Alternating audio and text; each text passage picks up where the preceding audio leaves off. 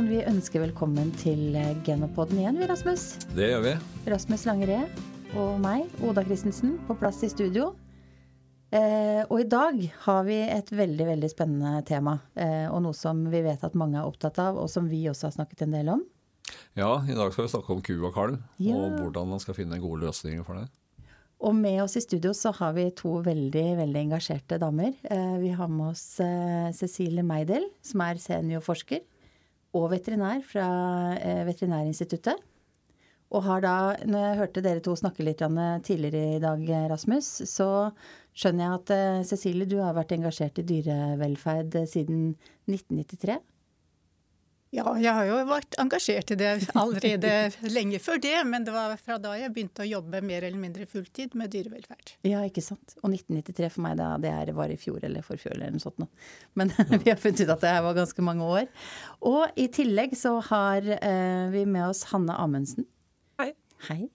Du er eh, veterinær og melkeprodusent eh, og er bosatt på Rena sammen med mannen din, Ja. Eh, Ole Erik. Og han overtok da, eller dere overtok eh, Han overtok eh, gården som han er født inn på i 2012. ja, Og så traff vi hverandre i 2014, og jeg flytta inn der i 2016. Og da var det på tide å tenke om vi skulle avvikle eller eh, prøve oss på noe nytt. Ikke sant? Og da tok dere nemlig et valg som For at du sa at eh, her måtte vi gjøre noe som var verdifullt videre. Ja. Og altså, når jeg har jobba noen år som eh, eh, veterinær i eh, som produksjonsdyrveterinær og har sett mange ulike typer fjøs, og jeg vet hvor mye tid det tar. For meg var det viktig at hvis vi skulle skape noe sammen, så måtte det være noe som virkelig eh, var av interesse og verdifullt for meg, sånn at, jeg, at det føltes eh, riktig å bruke tida, så mye tid da, som det er å være bonde. Ja, og vi skal få høre mer om åssen dere har innrettet dere, og åssen erfaringer dere har gjort. Men jeg tenkte Cecilie, om du innledningsvis kan si litt om bakgrunnen for at vi nå driver og jobber med dette, at ku og kalv skal, skal få være sammen. Ja, det er vel ikke ett svar på det, men jeg tror noe av bakgrunnen er at eh, vi har fått mye mer kunnskap om dyrevelferd generelt, om dyrs behov og følelsesliv. Eh, Og derfor så begynner vi å se på driftsformer som vi senere tidligere trodde var helt eh, uproblematisk, men vi begynner å se på det med et litt nytt lys. Og da synes det jo litt rart, kanskje, å ta et nyfødt dyr bort fra mora si. Når den eh, naturlig sett skulle vært eh, sammen med henne og blitt beskyttet av henne og fått mat av henne. Hvor lenge vil de være sammen i en naturlig tilstand? Ja, og storfe så er de naturlig sammen i en sju, åtte, ni måneder og dier. Eh, Men etter hvert så blir det jo mest kos. Og, og mesteparten av næringen tas jo opp fra beite, selvfølgelig. Og nå da med ku og kalv-prosjektet, hvor lenge går kua sammen med kalven? Ja, det er eh, I våre forsøk så har de gått sammen i 68 til 10 uker. Så, men det er mye forskning på dette rundt i hele Europa, så det prøves ut forskjellige løsninger. Noen har dem sammen i tolv uker, noen i, i um, fire måneder. Mm. Så det er mange ulike løsninger som gjøres, men alle er vel enige om at eh, de bør være stø sammen en god stund, fordi at eh, vi sliter jo litt med den avvenningsprosessen, som jo er stressende når de først har formet dette båndet. Mm. Og hvis vi da skal avvenne dem lenge før det er naturlig, som vi jo ofte må da når det er en melkeproduksjon, og det er jo produksjonen av melk som er eh, Ja, det er noe økonomi er grunnen til dette her, bildet. så må vi avvenne dem litt Mm. tidligere. Og da gjelder det at eh, den perioden de har hatt sammen er så god at den oppveier det stresset. Og vi jobber jo også da mye med metoder for å redusere det stresset ved avvenning. Mm. Så den perioden går så lett som mulig. Men Hanne, da kan du si litt om dere, har, eh, hvordan dere planla og hvordan dere gjennomfører sånn praktisk dette med ku og sammen. Ja, når vi da bestemte oss for at vi skulle drive med ku og kalv, så var det om å gjøre å innhente litt informasjon. Og det var eh, Vi begynte å tenke på dette i 2016-2017, og da var det ikke mye informasjon å hente. Mm. Eh, men vi snakka med to produsenter som vi visste, bl.a. Hans Arild Grøndal, eh, og fikk noen gode tips der. Men eh, vi driver litt annerledes enn han, eh, for vi skulle ha et løsdriftsfjøs med melkerobot. da. Mm. Så da var det for oss å tenke hvordan skal den kalven ha det trygt og godt i et løsdriftsfjøs, da? Og en av de tingene vi måtte tenke på, var bl.a. Eh, spalt, spaltegulv, eller hvordan skal vi gjøre det med gulvet? Så da ble det til at vi valgte tett gulv. Og så, for å holde det rent da, så måtte vi ha en møkkrobot. Men da kommer nyutfordringen. Hvordan skal vi passe kalven for den møkkroboten, da? Ja, for den, den uh, møkkeroboten den vil ta med seg kalven, en nyfødt kalv. Det vil den. Ja. ja. Så den er stor og tung. Den får du ikke stoppa om du mm. vil. Men ja, sånn bygningsmessig, når du bygde det nye fjøset, har dere liksom avsatt noe egen plass? Ja, vi var opptatt av kalveflykt. Vi skulle ha først en kalvingsbinge hvor uh, mor og ku og kalv skulle få være sammen og danne dette tette båndet først, uten forstyrrelser. Så valgte vi å gå videre i noe som heter velferdsavdelingen, hvor de skulle bli mer kjent med løsdrifta, men ikke være inne i den fysisk, da. På en måte. Det er en del av løsdrifta, bare eh, avskjerma. Og da kunne Carmen gå litt fra mor og utforske løsdrifta litt mer, men komme tilbake til mor som sto i velferden. Og når de da var trygge på hverandre, så slapp vi dem da ut i selve løsdrifta. Og da hadde vi mange kalvehjemmer, en som var veldig avskjerma, pluss at vi eh, la til rom foran eh, bås, eh, liggebåsene, sånn at kalven kunne ligge der. da. Hvor gamle var kalvene når dere slapp dem når det ble åpne fritt ut i To-tre uker. To-tre uker, mm. ja. Mm. Men, men, bortsett fra det med den uh, møkkroboten som er litt utfordring, åssen mm. er liksom uh, erfaringen sånn i hovedsak med den løsningen dere har valgt? Du, Den fungerer bra. Vi har funnet uh, Det har vært en del justeringer underveis. Uh, vi har funnet at det å holde uh, ku og kalv litt lenger i velferden, det fungerer best for oss. For da må vi fysisk åpne porten så hun kan gå og mjølke seg. Da kan vi holde litt igjen på kalven også, så, så den blir vant til at å, nå går mor i mjølkeroboten. Og da holder vi litt igjen på kalven. Så får hun mjølka seg komme tilbake igjen, og da har vi litt kontroll på dette her fram til den skjønner hva som skjer. da. Mm. Men Cecilie, det er veldig mange det er jo mange eh, produsenter som er, veldig, som er interessert i dette. og Det er jo en del som prøver ut eh, løsninger, og det er blitt forsket på litt ulike løsninger. Kan du si litt om, på en måte skissere litt de ulike løsningene, sånn som vi ser, som vi har litt erfaring med i dag? Ja, Det er jo et stort spektrum ja, av er, løsninger som ja. du nevner. Det er jo Folk eh, driver med dette både i båsfjøs og i ulike typer løsdriftsfjøs, med og uten robot. Eh, og alle finner sin egen vei å, løse de praktiske utfordringene. Vi har jo forskningsmessig jobbet med dette siden 2009 på Veterinærinstituttet. Så der har vi jo hatt uh, ulike løsninger. Vi har uh, undersøkt et system hvor de ku og kalv bare er sammen på natterstid, og ikke på dagtid.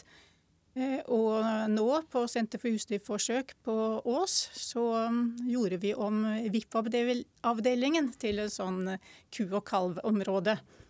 Så der har de et møteareal. Kalvene har eh, et kalvehjemme og kan da gå inn til et møteareal, og kyrne har da adgang der via en sånn smartgate. Ja, For da kommer ikke kalven ut i løsdrifta, da er det kua som Nei. kommer fra løsdrifta inn til kalven? Ja, så Det gjorde vi i det prosjektet som akkurat er avsluttet, og i det nye vi startet nå, hvor vi skal se mer på de positive velferdsindikatorene. Så har vi et system hvor kalvene har adgang til hele VIP-avdelingen med kyr. Så De er i tillegg kalvhjemme, men ligger veldig mye sammen med kyrne. Da. Der er det jo laget til et område foran uh, liggebåsene, sånn at, uh, og kalvene liker å ligge der. Og mm. Der har vi jo da lagt uh, gummimatte oppå spaltegulvet for å få litt smalere spalteåpninger. For de er jo mm. større enn det som er lov da egentlig for småkalv. Men hva har han observerer han på disse kalvene? Noen forskjell fra det systemet der du tar kalven vekk med en gang? Nei, de bruker jo veldig mye tid på å være sammen. Kua og kalven de bruker mye tid på å stelle hverandre. Kua slikker kalven sin veldig mye, og de liker å ligge tett sammen. Så de, de bruker mye, mye tid sammen. Og det så vi faktisk også i et forsøk i Canada i forbindelse med doktorgradsprosjektet til Julie Johnsen.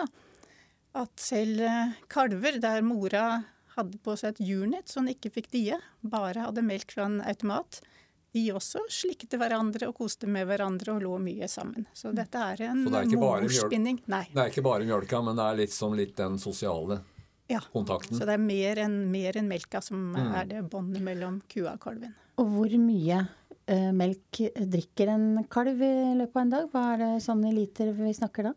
Ja, det er jo også litt slående når vi vet hvor mye melk som blir gitt til kalver, da. Som nå er anbefalingene åtte liter per døgn. Nei, ja. eh, Minimum. Men eh, Ja. minimum, ja. Det var jo seks da vi begynte disse prosjektene. Og de drikker jo ja, mellom 10 og 20 liter om dagen. Så en sånn 15-16 liter må du nok regne med at det går med. Men i opplegget deres, Hanne, hvor mye mjølk har de der? For der blir jo kua og mjølk i roboten. Ja, vi har sett litt på det både og prøvd å regne på det. Det er en, mellom en 12-15 liter gjennomsnittlig da, Ja. som går. Mm. Så kan man jo si at det, ja, dette er jo mjølk som vi skal få betalt for, og at det blir ikke dette er dyrt. Eh, men, eh, men vi ser jo det at eh, det her er jo det kalven skal ha. Den drikker akkurat det den skal ha for å bli, eh, utnytte sitt vekstpotensial og bli en skikkelig robust og flott kalv. Mm.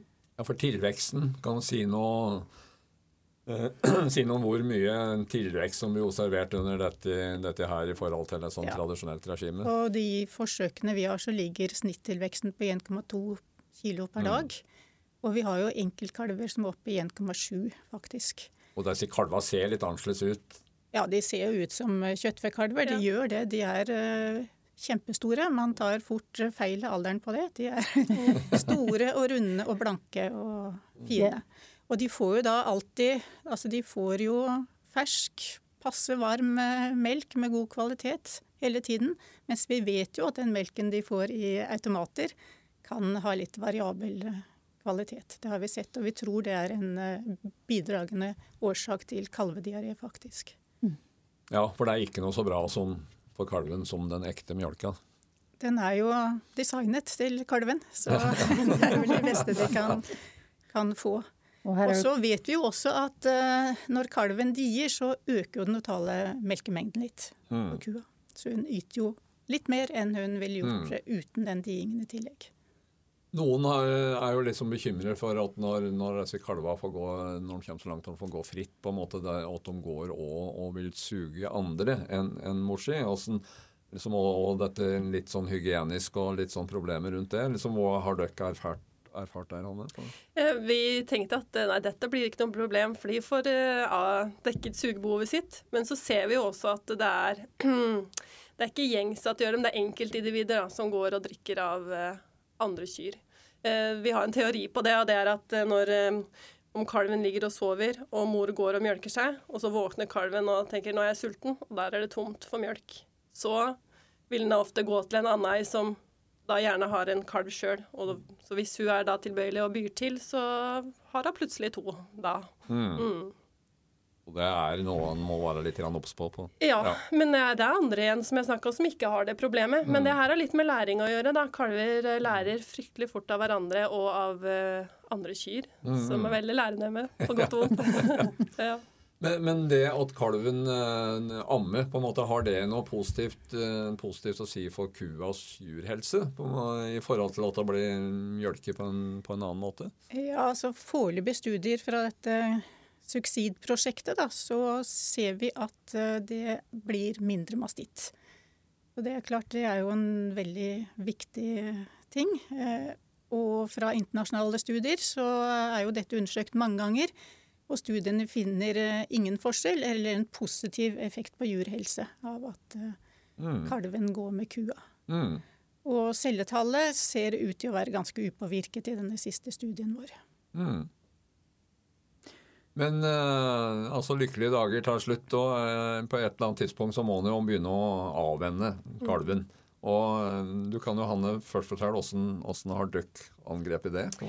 Nei, da har vi jo lært litt fra forskning og fra eh, hjulet, som eh, viste det at eh, det er en fordel at kalven ikke mister mor og mjølk samtidig. Så det vi gjør, er at vi vender av i par, sånn at uh, da er det to ku-kalv-par. Så tar vi begge kalvene og setter dem da f.eks. i fødebingen. Så får mødrene da ha kontakt med dem. Og så prøver vi å tilvenne dem på smokk da, eller smokkbøtte eller mjølk. Uh, og det er jo en utfordring, for da har vi en diger kalv. Du må være kvinne i din beste alder uh, mange ganger for å få til å holde for å, å, få gi dem mjølk, altså. Mm. Noen tar det veldig lett. Eh, vi har funnet et triks at vi helst skal være litt sultne. da. At vi setter dem inn om f.eks. om morgenen, og så tilbyr vi mjølk på kvelden. Mm. Så vil det gå litt lettere. Men uh, det er én som vi ikke har fått det til på. Så den ble avvent direkte fra mor. da. Mm. Mm. Men apropos det med altså, å være kvinne i sin beste alder inn i fjøset og sånn. jeg har veldig respekt for det med ku og kalv sammen. Um, og det får man jo også vite at man skal uh, uansett. Vi mødrene er jo Vi passer jo på uh, uansett uh, ku eller menneske. Hva, hva, slags tips har du der, liksom? På Nei, Man skal alltid, uansett om det er kyr du kjenner, så skal man ha respekt for den, eh, den første tida når du er som en mor. Fordi, Særlig hvis du kanskje ikke har hatt kalv før heller, for jeg vet ikke hvordan vi vil reagere. Så vi er eh, passe på det. Nå er jo ikke vi, har jo ikke vi en veldig stor besetning. Vi gikk fra åtte melkekyr til noen og tjue. Så vi har jo er, vi tilbringer mye tid der, og de kjenner oss. Og de, vi føler oss ofte trygge på dem, men vi passer fortsatt på, da. Mm. Mm. Og det skal man. Mm. Men Cecilie, kan du si noe om liksom hva forskningen sier så langt da, om, om denne med avvenningsprosessen? på en måte Noen sånne prinsipper der, sånn bare fylle ut litt hva ja, Hanne sier? Det er helt riktig som Hanne sier, mm. at vi prøver at uh, atskillelse fra mor og selve avvenningen fra melk ikke skjer samtidig. Og da er det ja, for da blir det dobbelt belastning på en måte? Dobbelt belastning, ja. Så det å opprettholde en viss kontakt, uh, f.eks. at det er en gjerde da, eller bingeskille hvor de kan uh, stikke inn hodene og ha full kontakt, men uten at det er mulig å die. Uh, det vil hjelpe. Og i de tilfellene man da klarer å få kalven til å drikke melk fra en annen kilde etterpå, mm. så går den avvenningsprosessen eh, mye bedre for kalven.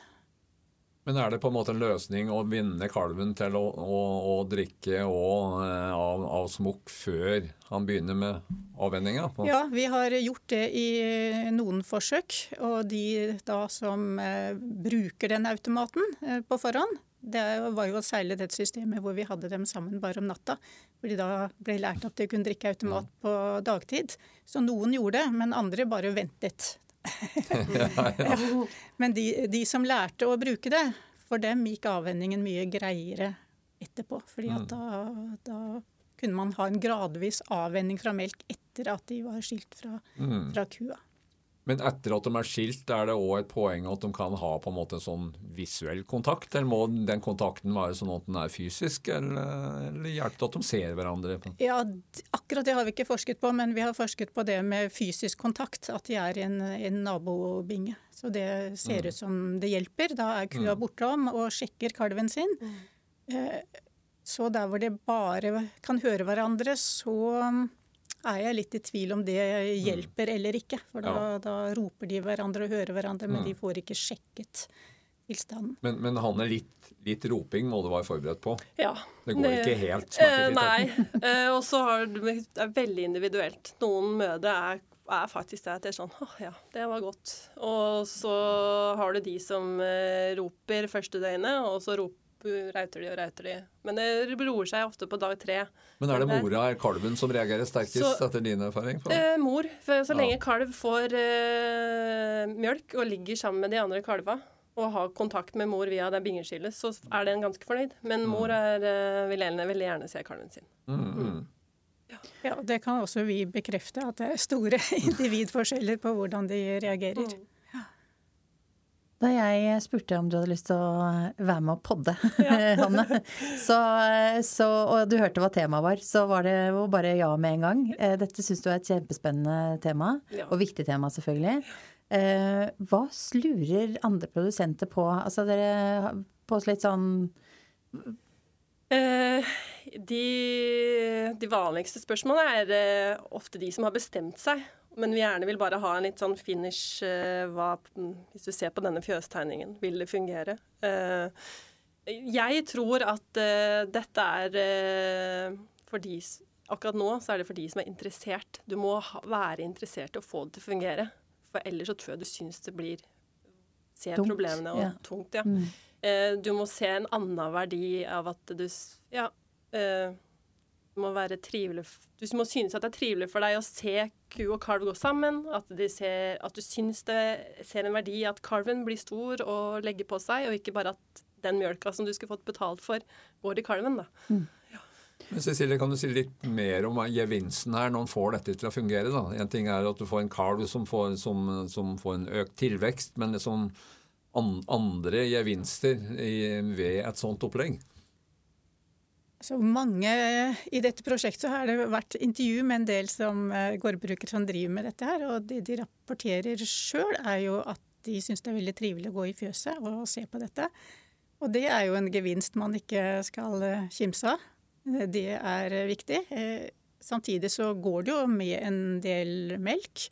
Men man slipper jo arbeidet med å fôre kalvene. Man trenger ikke å kjøpe inn noe kalvegodt eller, eller eh, erstatning av noe slag. Eh, Man slipper å rengjøre bøtter og, og sånt. Så kalvestellet tar jo mora seg av. Eh, Og vi ser jo at det er en veldig god tilvekst. Og vi tror jo at dette gir litt robuste dyr. Vi vet at kalver som, eller kvikalver som drikker mye melk som kalver, de melker mer i første laktasjon.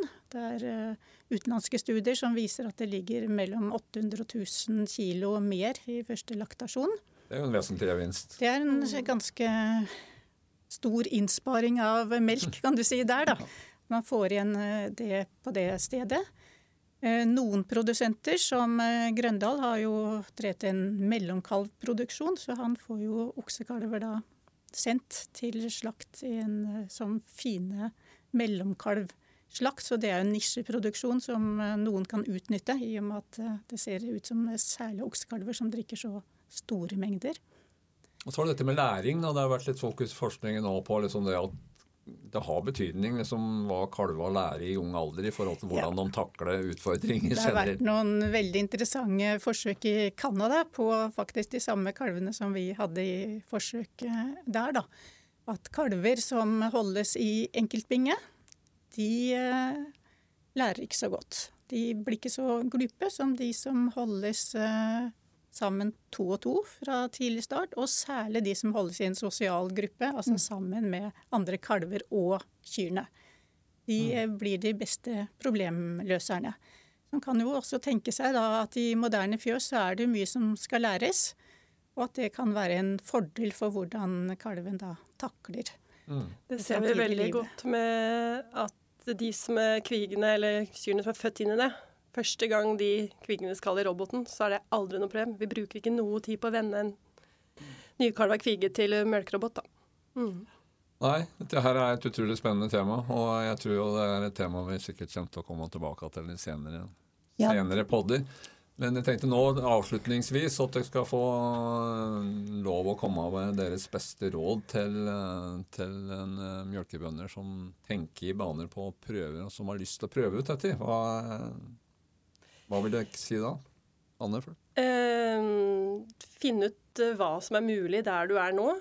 Det, vi har en fin eh, Facebook-gruppe som heter Samar ku og kalv. Der er det, ha, tror jeg snart uh, vi har samla alle de som driver med ku og kalv på ulike måter. Alt fra båsfjøs til løsdrift osv. Og så prøv. Bare begynn å det er, det er bare å prøve det. Og så uten nødvendigvis å gjøre så store endringer. Se om det er noe for deg. Jeg tror interessen er det største Da når du langt, hvis du har interesse for det. Mm. Og Cecilie? Nei, Jeg tror også at interesse er eh, viktig for å lykkes, og forskningsmessig har vi ikke alle svarene. Vi har eh, mange brikker i puslespillet, men eh, vi har ikke det store, helhetlige bildet ennå til å si akkurat hvordan du bør gjøre det. Så fortsatt noen år så tror jeg nok det vil være litt eh, eh, prøve å forhåpentligvis ikke feile så mye, men eh, lytte på andre og tenke på prinsippene her, da, med at de Kalven må jo fortsatt ha et eh, lunt og godt miljø, og det kreves at man er interessert og ser på dyra. For det tar litt tid kanskje å se at en kalv er pjusk når du ikke har den i enkeltbingen og ser at den ikke har spist eller drukket noe. Så du, du, må følge litt med på andre måter. Men jeg vil jo si at så langt så er det jo veldig lovende resultater vi har. Mm. Dette er veldig spennende. Og jeg hører at jeg allerede har spørsmål til neste gang vi skal invitere disse dyktige damene. Ehm, men eh, alt har en eh, ende. Også denne podkastepisoden her. Ehm, vi må i hvert fall si tusen, tusen takk til Hanne og Cecilie for at dere tok turen til oss igjen i den. Ehm, Rasmus, neste podkast, da da skal vi bevege oss nordover. Da skal ja. vi faktisk til Mosjøen. Vi flytter oss til Mosjøen. Og da er temaet mer økonomi. Ja, hva, for økonomi for bonden. Mm. Hva han gjør nå med, med, litt galopperende kostnader. Med utsikter til litt reduserte kvoter. Altså hvilke, hvilke grep bør han ta nå. Så det er også en pod eh, dere må få med dere. Mm. Den eh, kommer da til eh, i november-poden vår. Men fram til da så hører du selvfølgelig denne episoden og alle andre episoder i Genopoden på steder du ellers vil høre podkast, eller inne på geno.no på nettsiden vår. Da sier vi takk for oss, Rasmus. Det gjør vi. Og bare si lykke til til alle som får lyst til å prøve dette, som ikke har gjort det ennå. Og håper de blir inspirert til å kanskje ta skrittet ut. Det regner jeg med. Mm. Tusen takk. Takk. Takk, ja.